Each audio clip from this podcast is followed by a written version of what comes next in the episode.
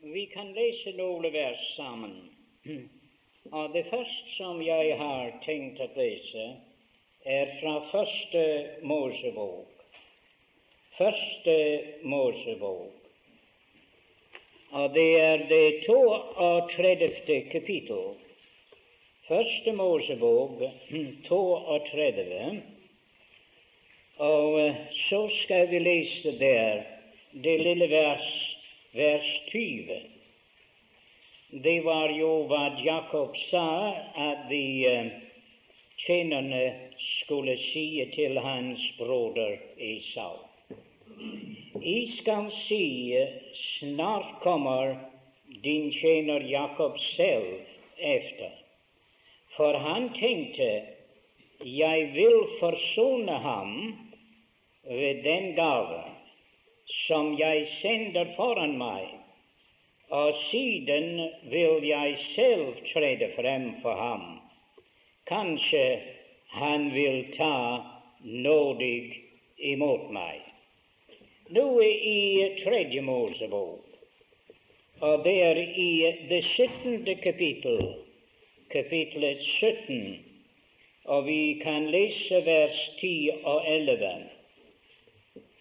Og når noen av Israels hus eller av det fremmede som bor iblant dem, eter blod, om aldri så lite, da ville jeg sette mitt åsyn mot dem som eter blodet, og utrydde ham av hans folk, for kjøttets sjel er i blodet og jeg har gitt eder det på alteret til å gjøre soning for eders sjeler, for blodet er det som gjør soning, fordi sjelen er i det.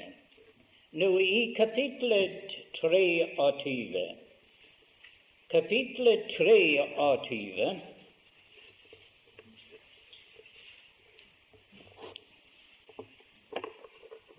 Og eh, så leser vi fra vers 26, kanskje. Og Herren eh, talte til Moses og sa:" Men på den tredje dag i den samme syvende måned er det soningsdag. Da skal de holde en hellig sammenkomst, og de skal faste og ofre ildoffer til Herren. Den dag skal ikke gjøre noe arbeid, for det er en soningsdag. Da skal det gjøres soning for eder, for Herrens eders Guds eh, åsyn. For enhver som ikke faster den dag, skal utryddes av sitt folk. Og enhver som gjør noe arbeid den dag, han skal utryddes av sitt folk. Les nå i Romerbrevet, brevet til romerne. Det er i det tredje kapittel. Brevet til romerne, kapitlet tre. Og vers 21.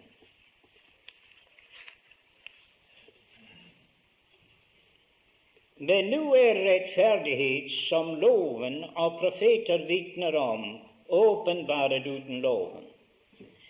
Det vil si Guds rettferdigheten med troen på Jesus Kristus for alle. Og av vår alle som tror, for det er ingen forskjell. Alle har syndet og fattes Guds ære, og de blir rettferdiggjort uforskyldt av Hans nåde ved forløsning i Kristus Jesus som Gud stillet til skue i hans blod som en nådestål. Nå ordet der nådestål, er det samme som forsoningsstedet. Ved troen for å vise sin rettferdighet fordi han i sin langmodighet hadde båret over med de synder. Så leser vi da et par vers fra eh, første brev til Johannes. Johannes' første brev. Og det er i, vers, eh, i det andre kapittel av vers 2.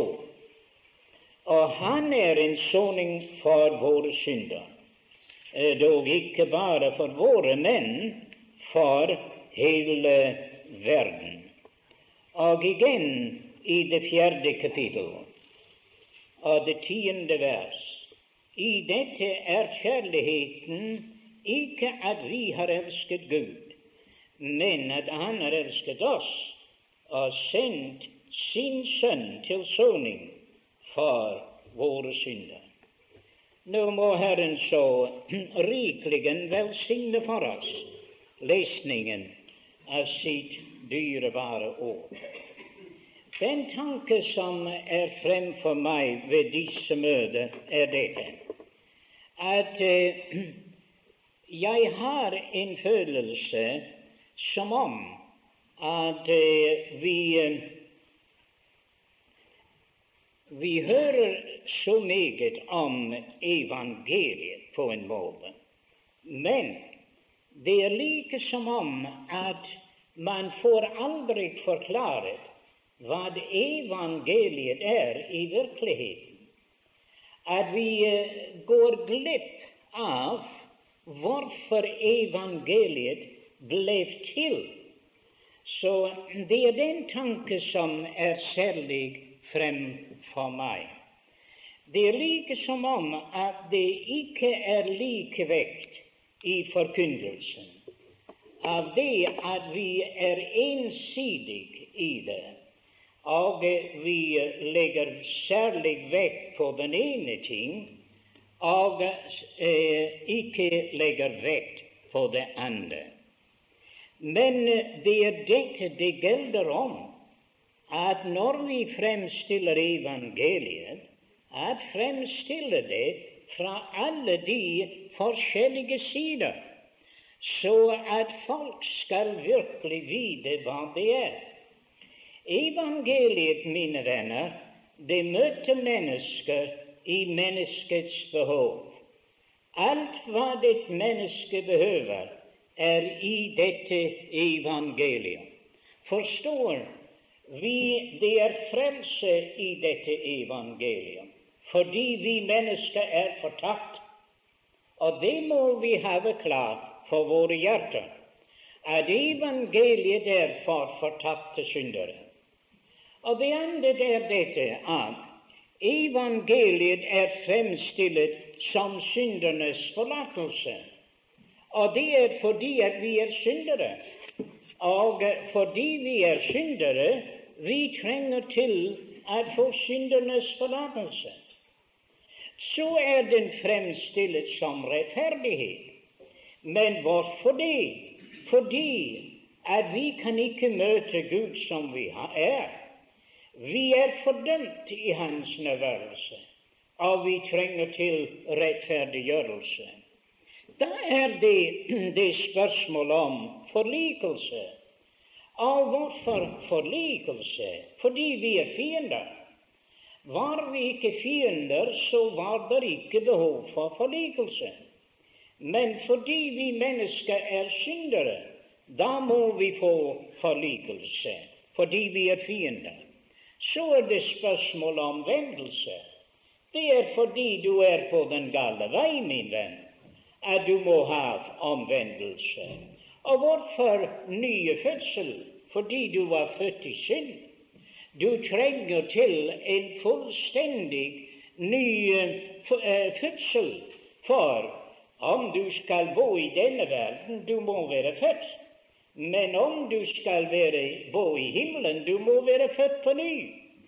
Og ikke bare dette, men det er noe der heter det evige liv. Du sier hvorfor det? For det liv som du har, kunne aldri bo sammen med Gud.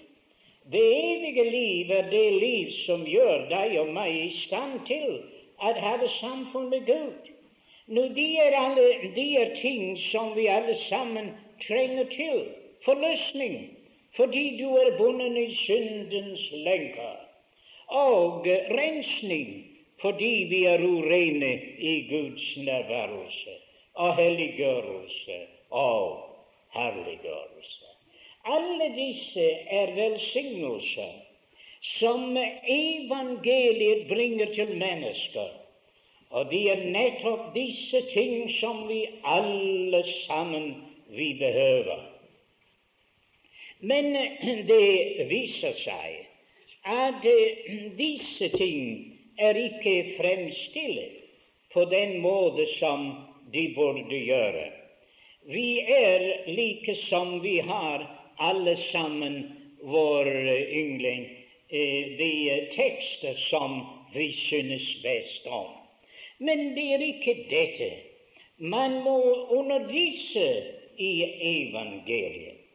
Når Paulus var en, og han forstod hvordan det skulle forkynnes. Han var en som tok alle sider av evangeliet. Om det er å tale om Guds kjærlighet, så vil alle sammen på talerstolen. Og de ville tale om Guds kjærlighet i lange baner. Men om det er å tale over teksten 'Gud er lys', så da da ville du finne det er ikke så mange der ville på talerstolen. Men den ene sannhet er like så sant som den andre. Det er like så sant at Gud er lys som det er at Gud er kjærlighet. Men hvorfor er det at alle taler over Gud er kjærlighet, og ingen taler over at Gud er lys? Se, det er mange farver i evangeliet. Men det er fremstilt på en forkert belysning. Om jeg sa at regnbuen at den var blå, kanskje noen ville gi meg rett. Og om jeg sa den var grønn, så er det også noen der ville være tilfreds med det. Men kanskje en som har forstand på farver, han kanskje ville si det var syv forskjellige farver i en regnbue. Og han var kanskje nærmere det enn noen av de andre. Se, venner, det er herligheter i evangeliet som vi ikke kjenner. Det er herligheter i evangeliet som ikke blir fremstillet. Og det er det samme med Gud. Om jeg spør deg hvordan Gud er, jeg skal love for at vi får mange forskjellige tanker om ham. Å ja, der nede i Danmark, han er som en gammel bestefar, ja, ja, som ikke snakker om synd eller noe sånt, og lar folk gjøre akkurat som de vil. Det er den Gud som de vil ha der nede. Ja, mange andre steder også, forresten. Men det var ikke den Gud som Paulus kjente. Paulus han sier da vi kjenner frykten for Herren, så advarer vi mennesker. Og jeg har lest en oversettelse der sier da vi kjenner Herrens gro, forkynner vi og advarer mennesker. Jeg talte med en god venn til meg, og jeg sa til ham Ja, han har vært her, forresten, Mr. Walker. Og jeg sa til Mr. Walker, sier jeg, har du noensinne talt over forsoningen? Og han er predikant. Nei, jeg har ofte berørt det, men, men ikke talt over det som en, et emne. Nå, sa jeg. Hvorfor ikke det? Har du noensinne hørt noen predikant tale over forsoningen? Nei, virkelig, sier han, jeg kan ikke huske at jeg har hørt noen der har talt over dette emnet som et emne. Jeg sa hvorfor ikke? Han sa jeg vet ikke. Vel, jeg skal fortelle deg. Hvis han talte over forsoningen, så vil de ikke be ham tilbake om han forteller og taler om det som han skal tale om det, så blir han ikke bedt komme tilbake igjen. Du sier hvorfor det? Fordi, min venn, du kan ikke tale over forsoningen uten at du taler om en Gud som er vred. Forstår du det? Ja, men jeg har aldri hørt at Gud var vred. Har du ikke? Har du ikke lest din bibel, min venn? Har du lest om Guds vrede? Jeg hørte en mann si forleden at for hver gang det taler om Guds kjærlighet i Bibelen, det tales elleve ganger om Hans vrede. Så sier det er merkverdig. Sånn er det ikke med predikanter. Nei, fordi vi ønsker å fortelle om Gud, hvor god Han er. Men kjære venner, om Bibelen sier at Gud er vred, og om Bibelen forteller oss at Han er vred på syndere hver dag, at Han hater synd, og at det er en dag der heter vredens dag, og at Han skal åpenbares med loende ild og tager hevn over dem som ikke kjenner Gud, og som ikke er Hans evangelium lydig. Venner, om det ikke var en Gud som er vred, så var det ikke behov for forsoningen. Det var ikke behov for forsoningen om Gud ikke kunne blive vred. Men det er det at Gud må være vred. Han vil ikke være Gud om han ikke kunne blive vred på synd. Om han ikke hatet synd, så kunne han ikke være Gud. Men han hater synd.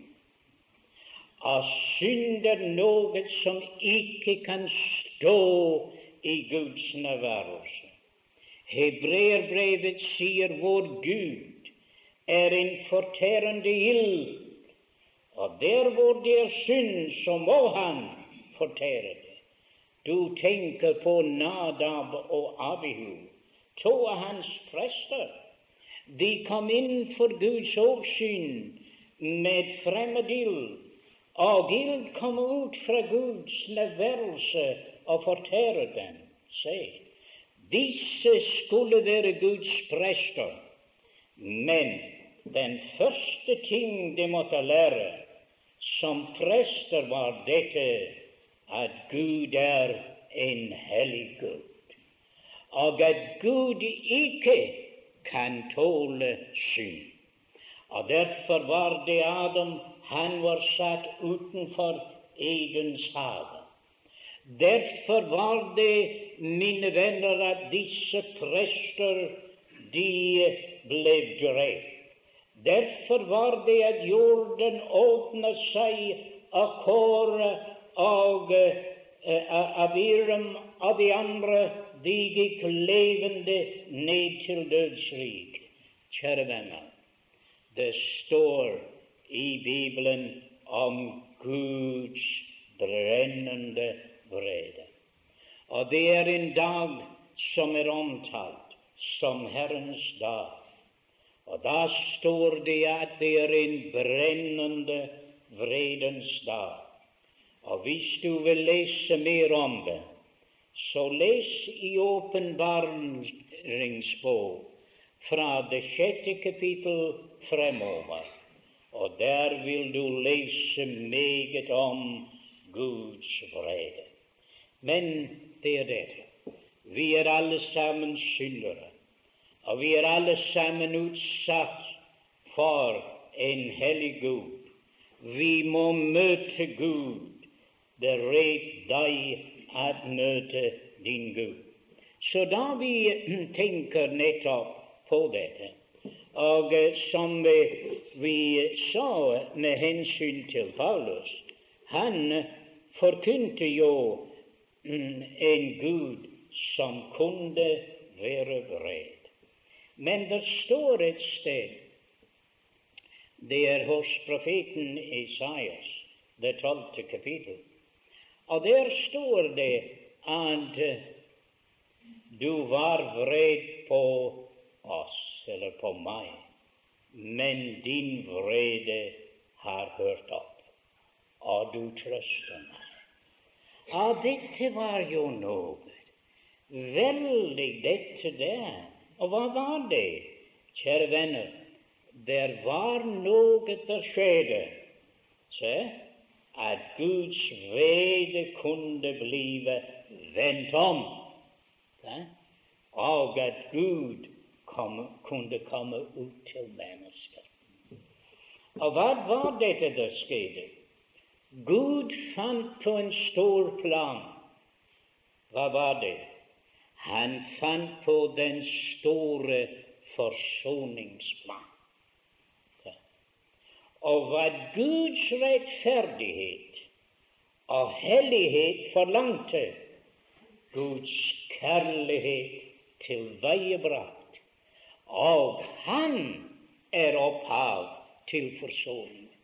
Tro ikke de predikanter som sier at det var jo således at synd kom inn og forstyrret alt, og Gud måtte finne på et eller et annet. Nei, mine venner.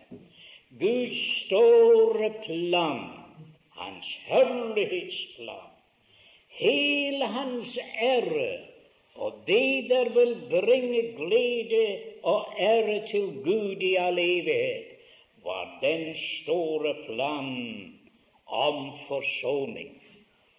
Det var jo Jakob vi leste om ham.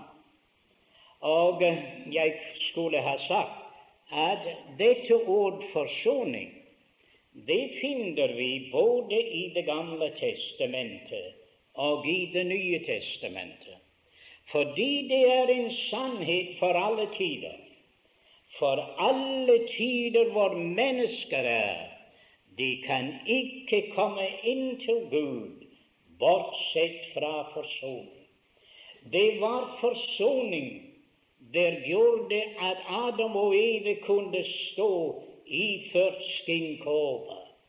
Det var forsoning, mine venner, der gjorde at Gud kunne bo i et tabernakel blant Israel.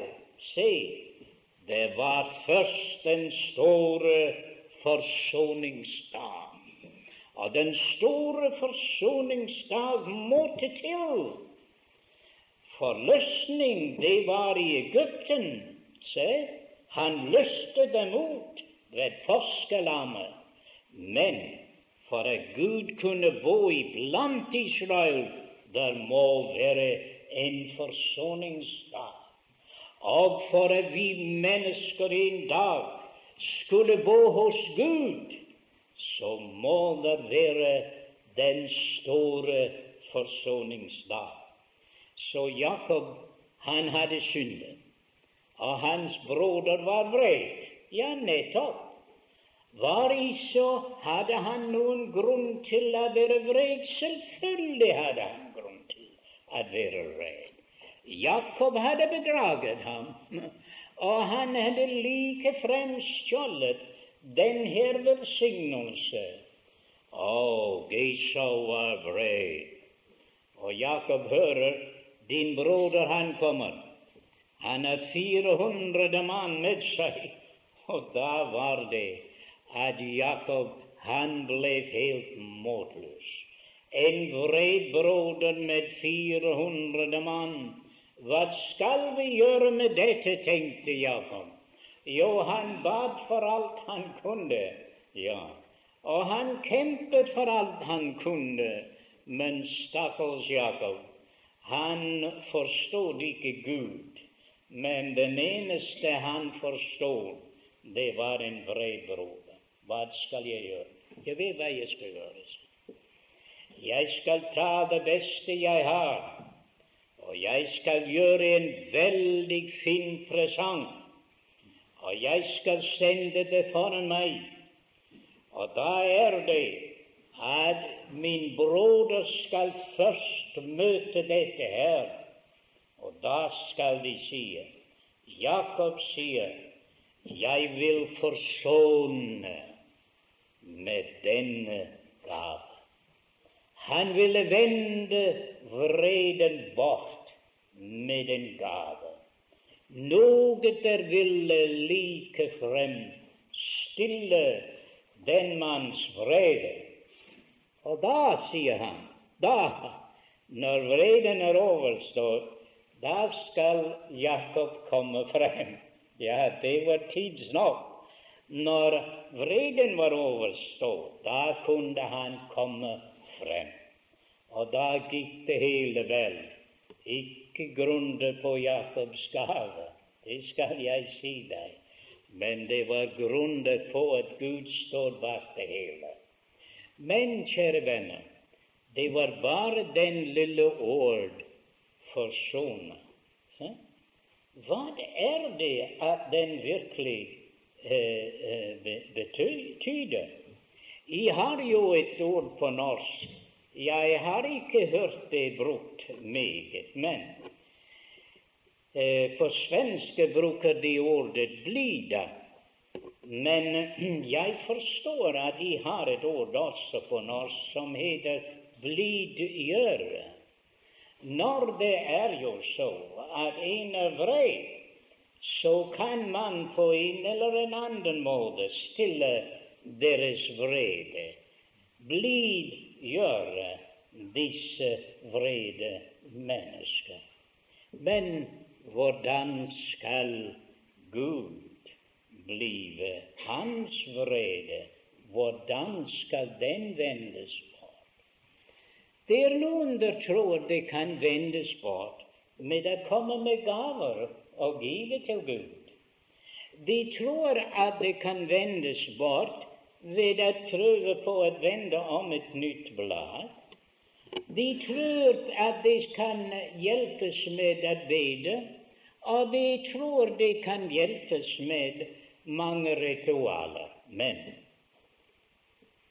det er blodet. Livet er i blodet. Og jeg har givet det på alteret, til det er blodet Det gjør en soning for eders sjel. Der var jo bare én ting der kunne sone. Det var bare den ene der kunne tilfredsstille Gud. Det var bare det ene der kunne vende Guds vrede bort. For Guds hellighet må blive opprettholdt. Guds rettferdighet må stå uten plett. Guds hellighet må opprettholdes, kjære venner. Der må forsoning til. Synden, det måtte dømmes. Synden mine venner, må komme inn under Guds vrede og Guds stand. Og derfor var det at Gud i sin store nåde han fant på en forsoningsdag for Israel. Og den forsoningsdag for Israel var jo en veldig dag. Jeg husker hvordan det var at det var jo et offer, og det offer Israels synder ble bekjent over det. Så at Israels synder gikk over på dette offer. Kniven ble løftet, og blodet rant. Og dette offer ble brent på alteret. Kjære venner, det var dette en soning og hele offeret brennes utenfor leiren for at være en soning for Israels synd. Det ene offer var ikke tilstrekkelig. det var et annet offer.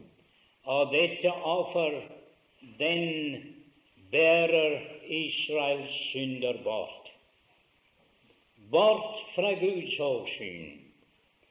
Å, mine venner, den gjerning var en fullkommen gjerning. Jeg har ofte undret om der når det står 'Se det Guds lam som bærer bort verdens synd', om det ikke er hele forsoningsdag i dette. Se? At det ikke er de to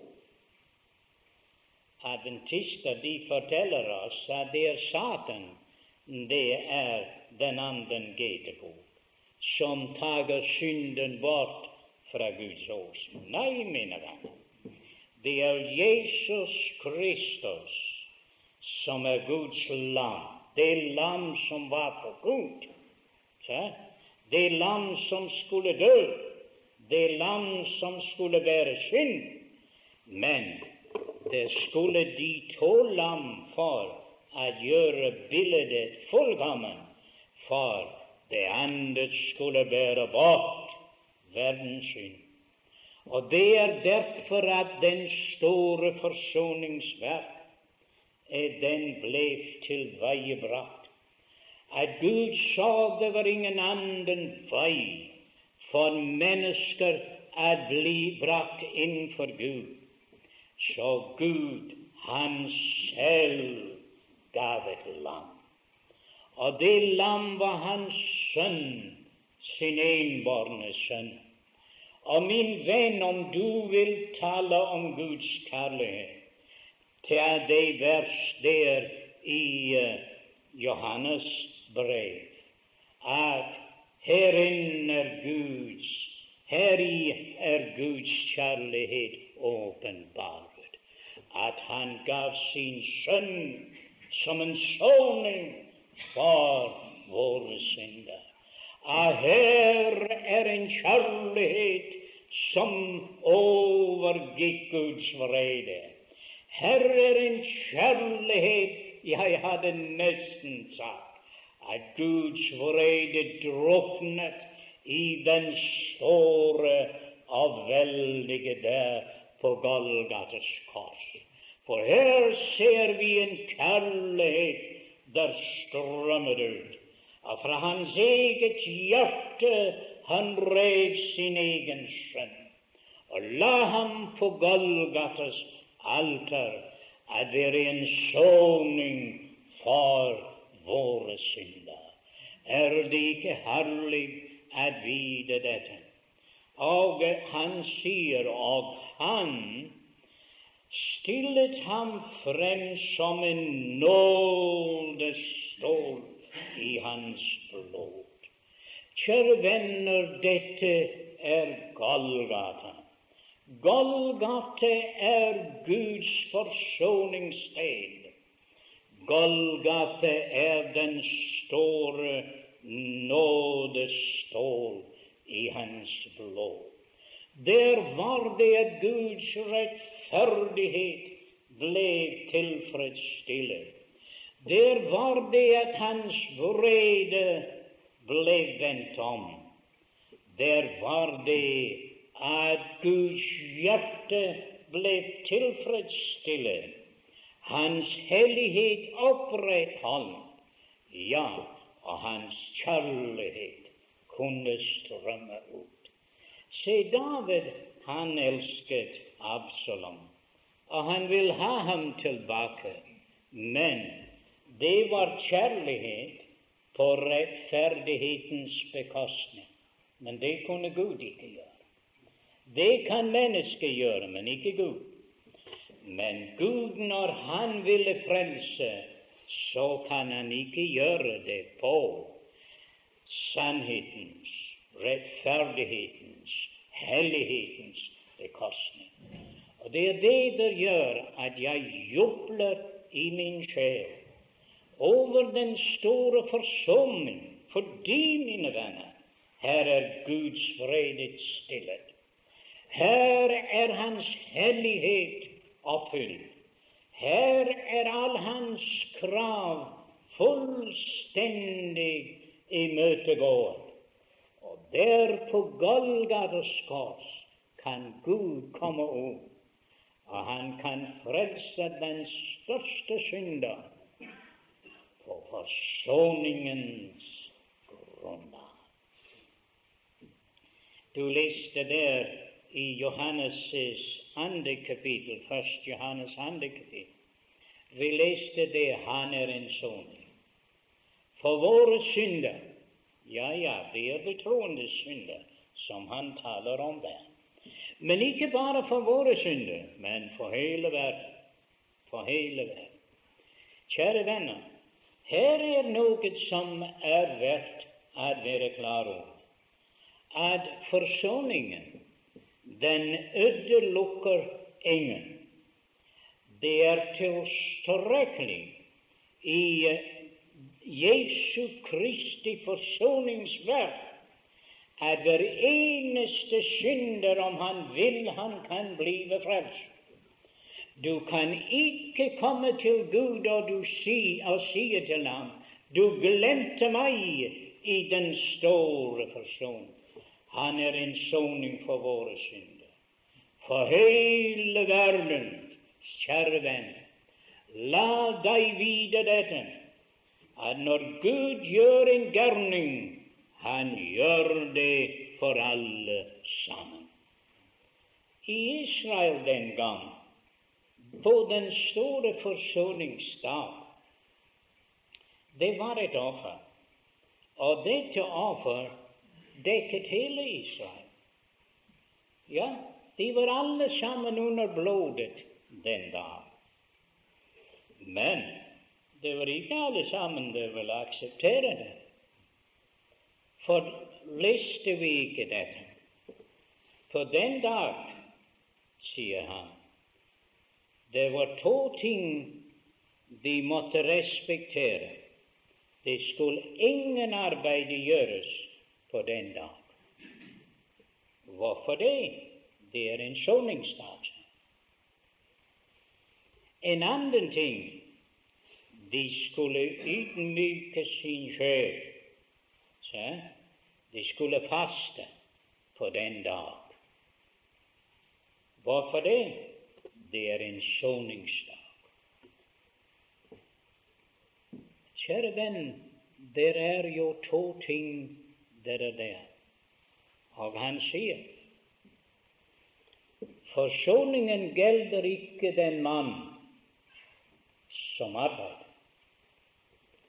Forsoningen gjelder ikke den mann som ikke ydmyker seg. Han skal utryddes av de folk. Du sier, hva er dette for noe? Fortell meg hva det betyr. Det er jo så like til, min venn.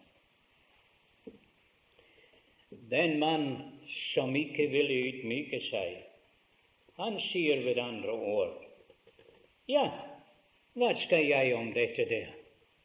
Hva har jeg gjort? Hva skal vi ha en forsoningsdag for? Jeg har ikke gjort noe galt. Jeg har aldri gjort noe galt. Hva skal jeg komme til Golgata for? Jeg har aldri gjort noe. Jeg betaler hver sitt. Se, min venn, de vil ikke ydmyke seg.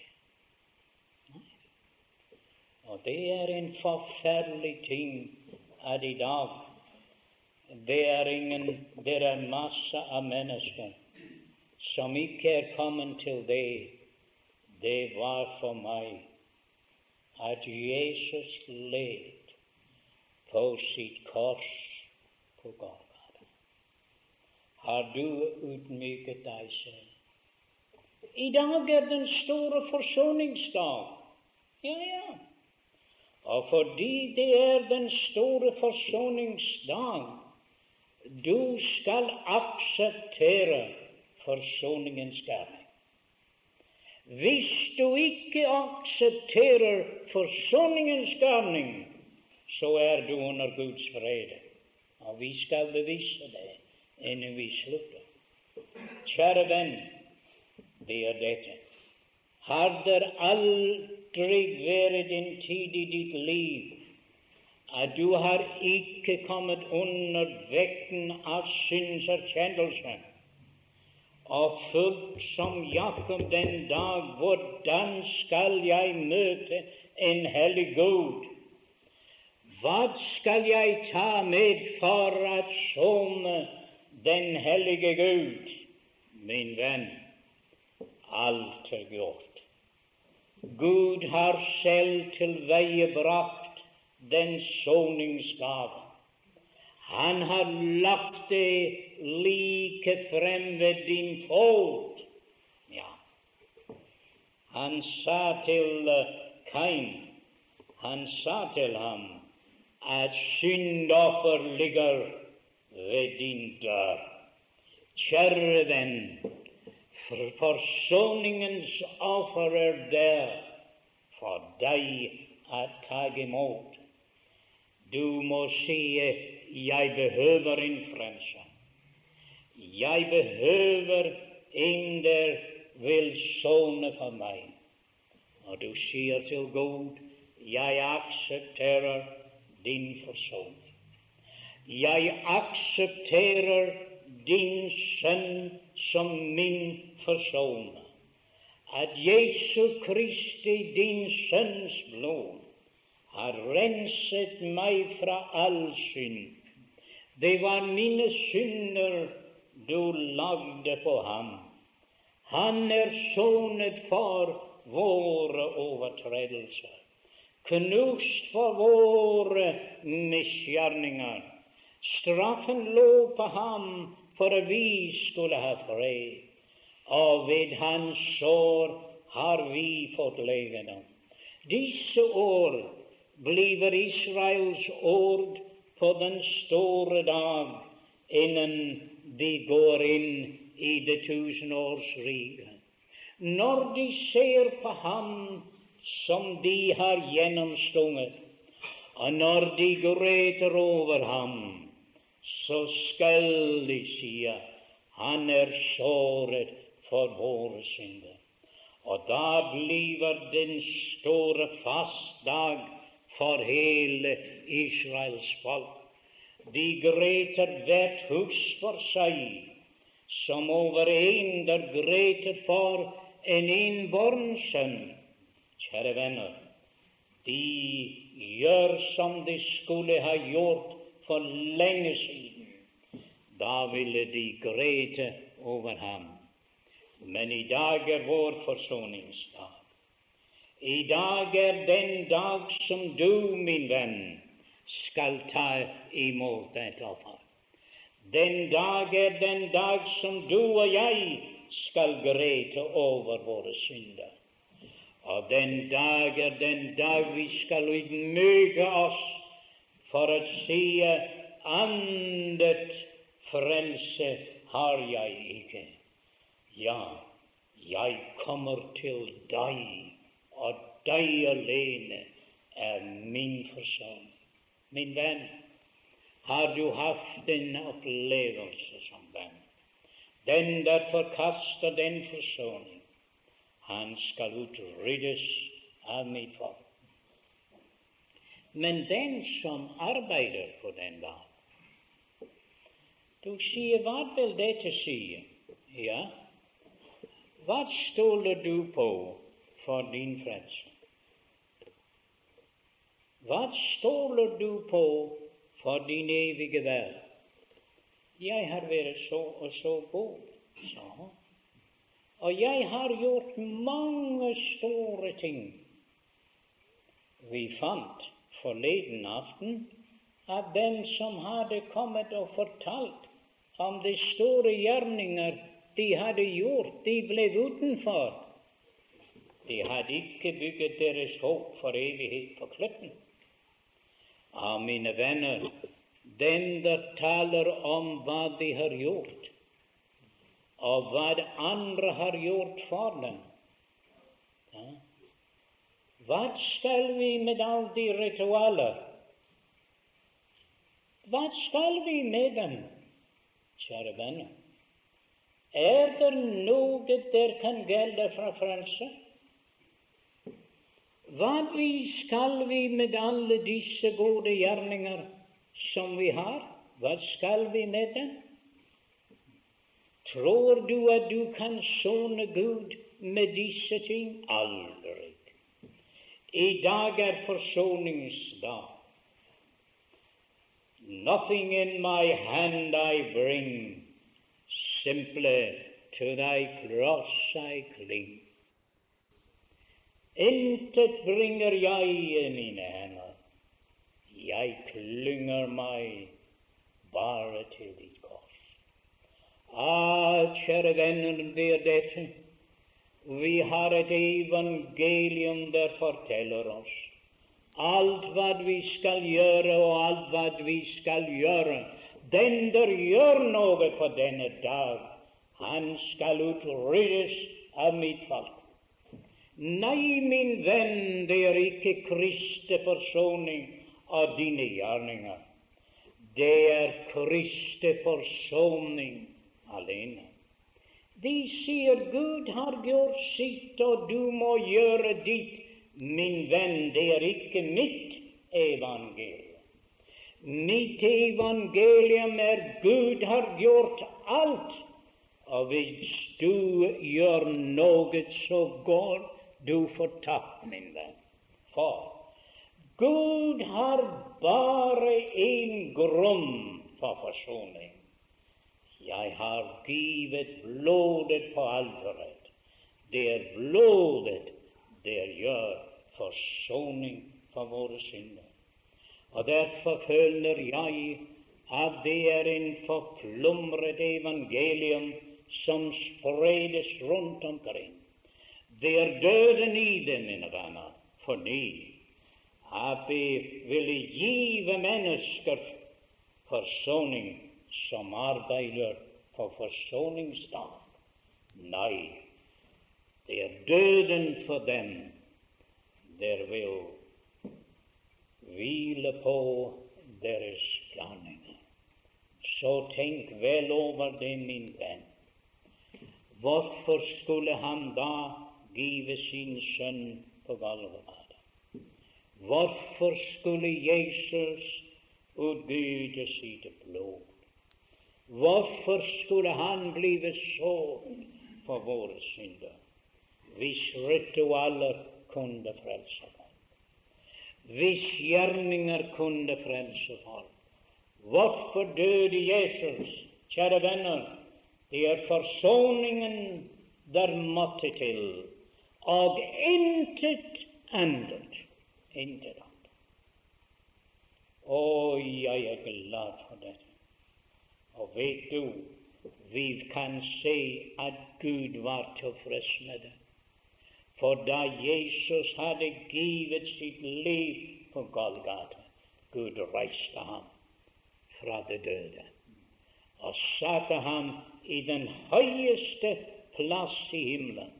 Så derfor, min venn, det er intet frelse i annet enn Kristi forsoning i Golgars kors og om jeg taler til i unge eller til i eldre, sett ikke deres lit til din godhet. Sett ikke din lit til dine gjerninger. Sett ikke din lit til ritualer, men vil på Kriste fullbrakte gjerning alene. Det er det eneste der giver adgang til det evige boliger. Ti, de israelitter som aksepterer forsoningen, de gjorde ingen arbeid. Og de ydmyket deres sjeler og greit for Gud og sa, vi er et syndig folk, men du har taget imot forsoningsblod for oss. Det er hva vi sier i dag. Vi er syndige mennesker, men Gud har taget imot det store offer på Golgatas kors. Han har taget imot Hans Sønns dyrebare blod for deg og for meg. Har du kommet på denne måten? Lytte til den sang de synger i himmelen. Til Ham som elsker oss og løste oss fra våre synder. Ingen taler om sine gjerninger. Ingen taler om sine anordninger. Alle taler om forsoningen. For de mine. Forsoningen var det som brakte disse mennesker i kontakt med Gud. Og ikke bare det, men forsoningen er grunnlag for alle velsignelser. Når vi kommer til å tale om de andre velsignelser i de andre aftener, vi skal se dette, at hver eneste en av dem har sitt grunnlag i forsoningen på Golgata. Dette er Guds hovedtanke. Og vet du hva? Det kunne ikke blive Gud kunne ikke bo iblant Israel om det ikke var en forsoningsdag. Ikke? mann. Da bodde han et helt år hos Israel, runde på forsoningen. Den mann kom for å forbanne dem. Og Balin men hva sier han? Jeg skuer ikke urett Israel. Skuer ikke urett i Israel, det er et syndig folk. Jeg skuer ikke urett i Israel. Hvordan kunne han si dette? Gud sa dem gjennom blodet på nådestokk. Det var noe det var alltid for Guds åsyn hele året igjennom. Gud så på blodet, og han skuede ikke i Israel. Vet du, min venn, du ser ei meg, du ser ei meg. Du ser din sønn og Gud. Du ser meg renset i hans blod. Ah, der er forløsning. Så kjære venn, forsoningen Ordet egentlig er ordet for dekke. Vet du at det ord den første gang at den forekommer i Bibelen, det forekommer da Noah han uh, gjorde arken. Han skulle dekke det med beg oventil, utenfor og innenfor, den skulle blive dekket med bek. Og dette ord, den som kjenner grunnspråket, forteller oss at ordet er kamfer, og det er ordet for forsoning. Se? Og kan du tenke deg hvordan det var? At det var dette her imellom noe av den vann som er rundt omkring.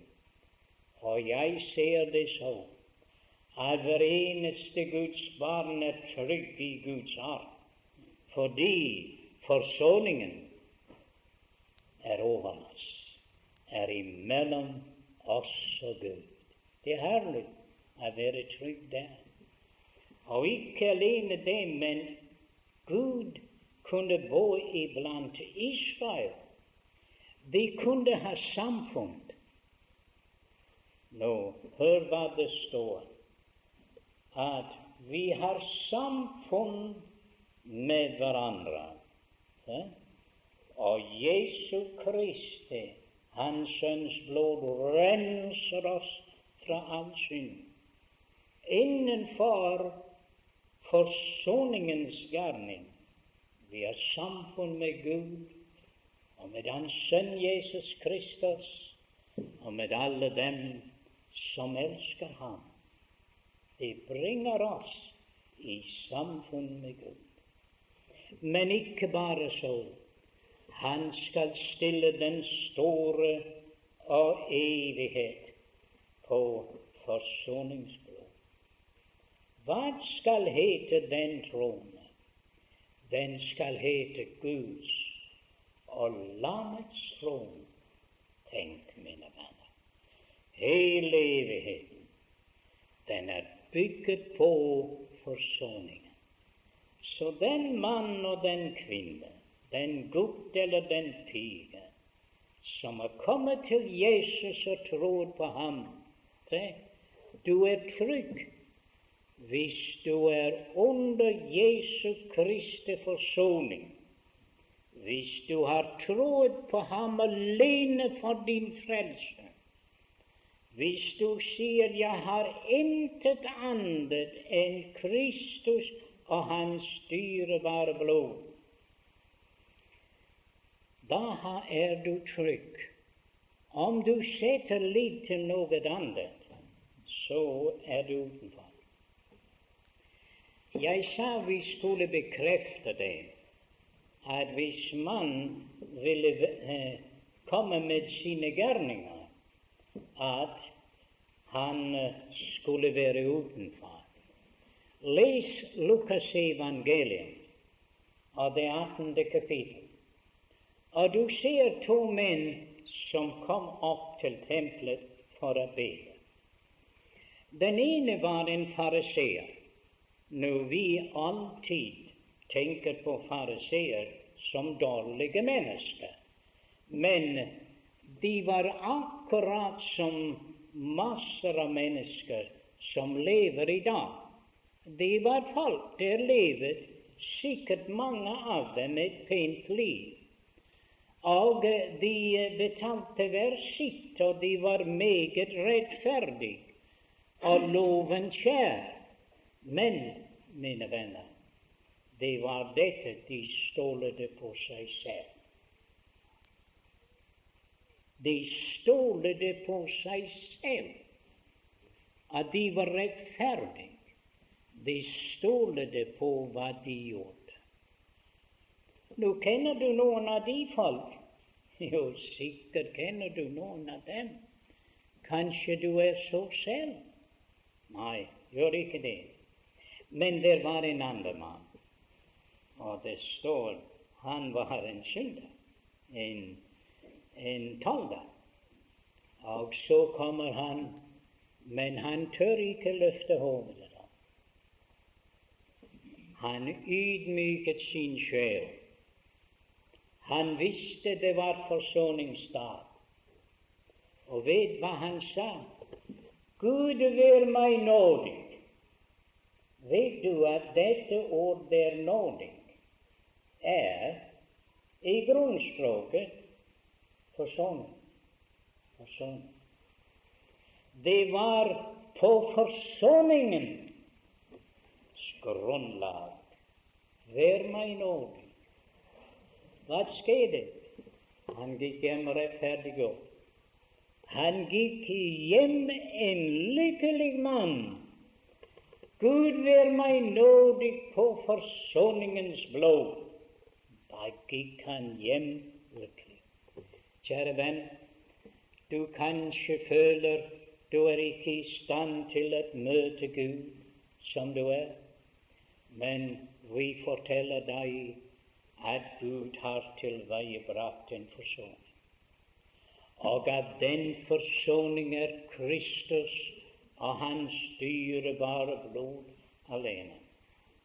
Og om du vil ta imot det, om du vil si som den her mann Gud vær meg synder nådig på forsoningens grunnlag, så skjer det min I samme nu og i samme øyeblikk, der hvor du sitter.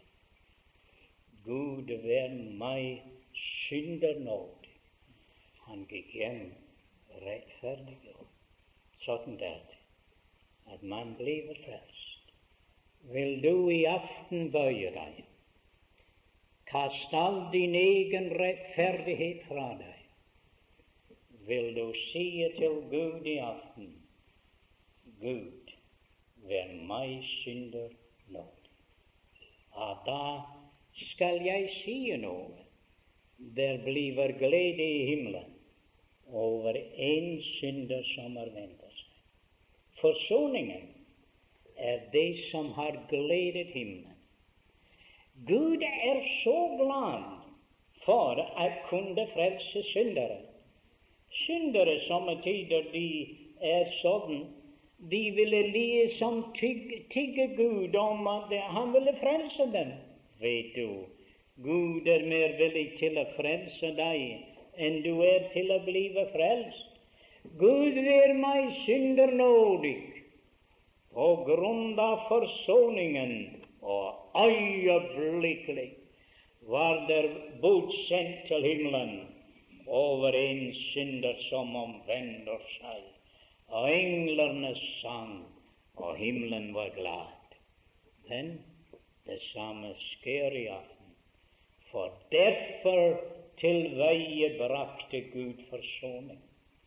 Og derfor var det at han gav sin sønn, for at han kunne fylle himmelen med forløste syndere. Og vet du hva? Millioner og millioner av dyrebare sjeler skal prise Gud i all evighet for forsoning ja, da kan du forstå at det er det der bringer glede til Gud, den store forsoningsgave. Vil du da komme som den stakkars tolle?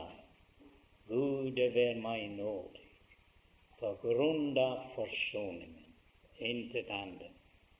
Men husk på, vi sa den som tror på Sønnen, har evig liv.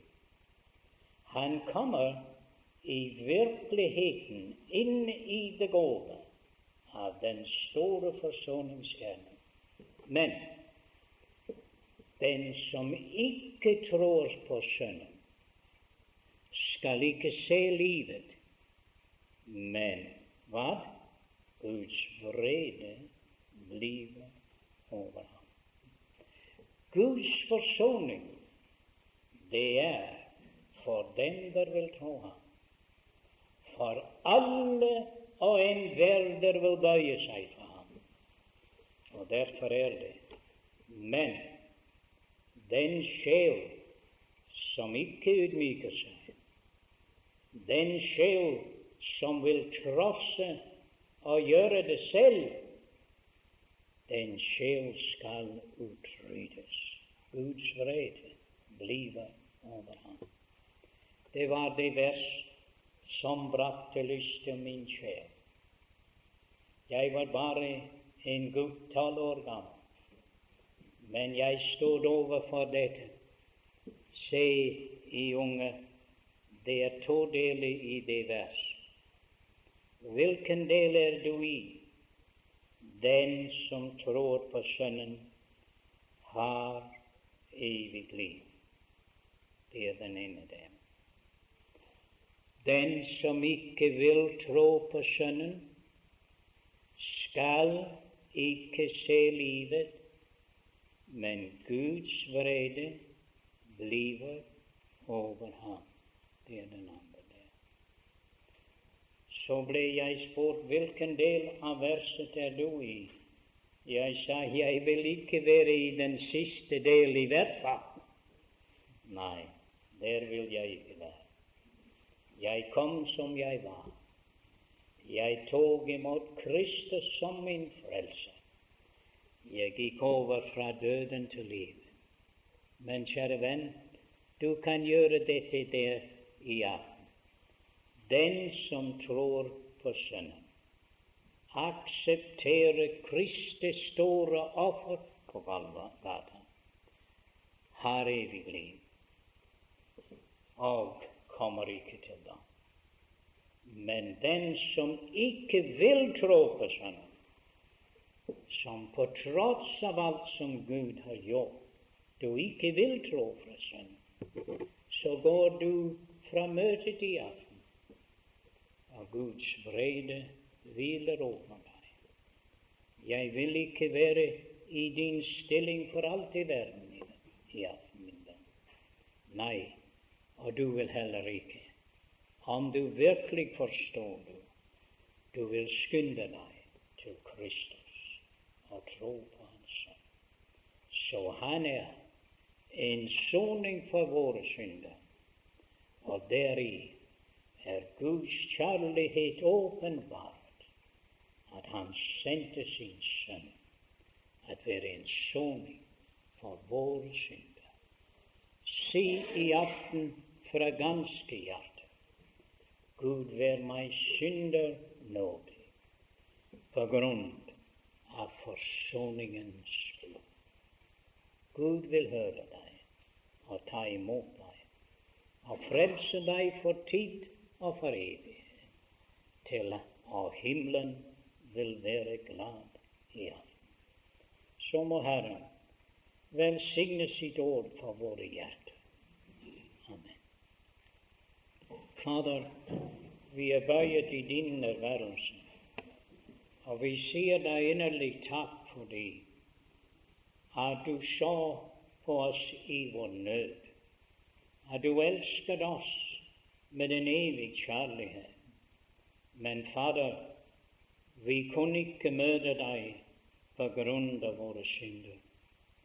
Men du kom ut til oss i din store nåde i Kristus på Golgata. Du opprettet en nådestål i denne syndige verden. Utenfor leiren der han bar våre synder på sitt legeme på Golgata. Og Fader, han gjorde soning for våre synder for hele verden. Å, vår Gud, vår Herre, takk for hver sjel som er kommet til forsoningens blod. Takk for hver som er frihet i Kristi blod. Og Herre, du kjenner hvert hjerte som er her, om alle er under forsoningens blod i aften. Om ikke, drag den sjel til deg. La det ske i aften, ditt store navn må blive forherliget. Takk, o Gud, for forsoningen i Jesu Kristi blod. I Hans eget høylovede navn